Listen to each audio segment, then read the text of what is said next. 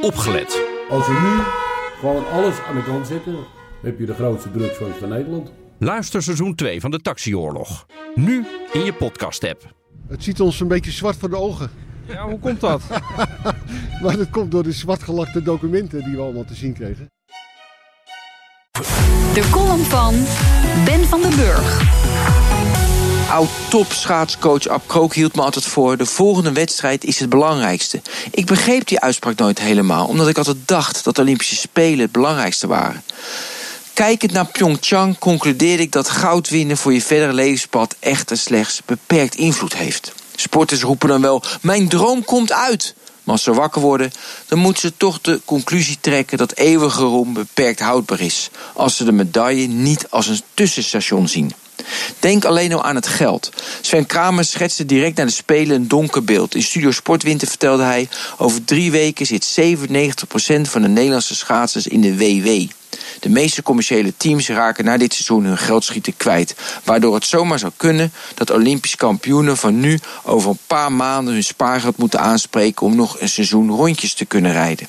Dit fenomeen is overigens niet nieuw. Ook Bob de Jong won ooit een gouden medaille en zat vervolgens zonder sponsor. Ook Michel Mulder en Jan Blokhuizen zaten afgelopen Olympische cyclus te rommelen met ploegen. Zelfs de meest succesvolle Nederlandse Olympia alle tijden, Irene Wust, moest naar Sochi haar spaargeld aanspreken.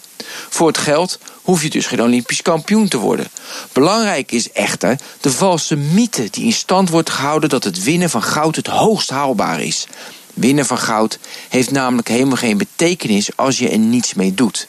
Denk aan de beperkte impact van de gouden medailles van een Iets Postma, een Lotte van Beek of een Marit Leenstra.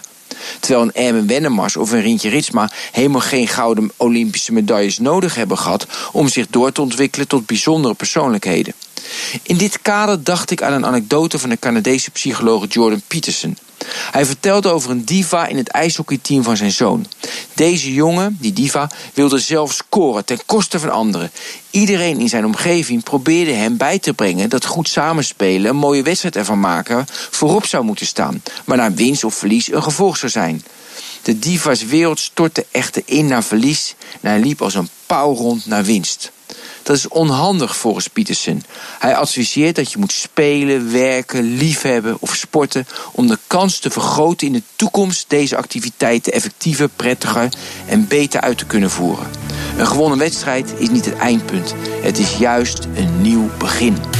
En dat is onze columnist op vrijdag. Ben van den Burg. En zoals u weet heeft hij een eh, schaatsverleden. Dat steekt hij dan niet onder stoel of banken. En u kunt zijn column terugluisteren in onze website bnr.nl en op de BNR-app.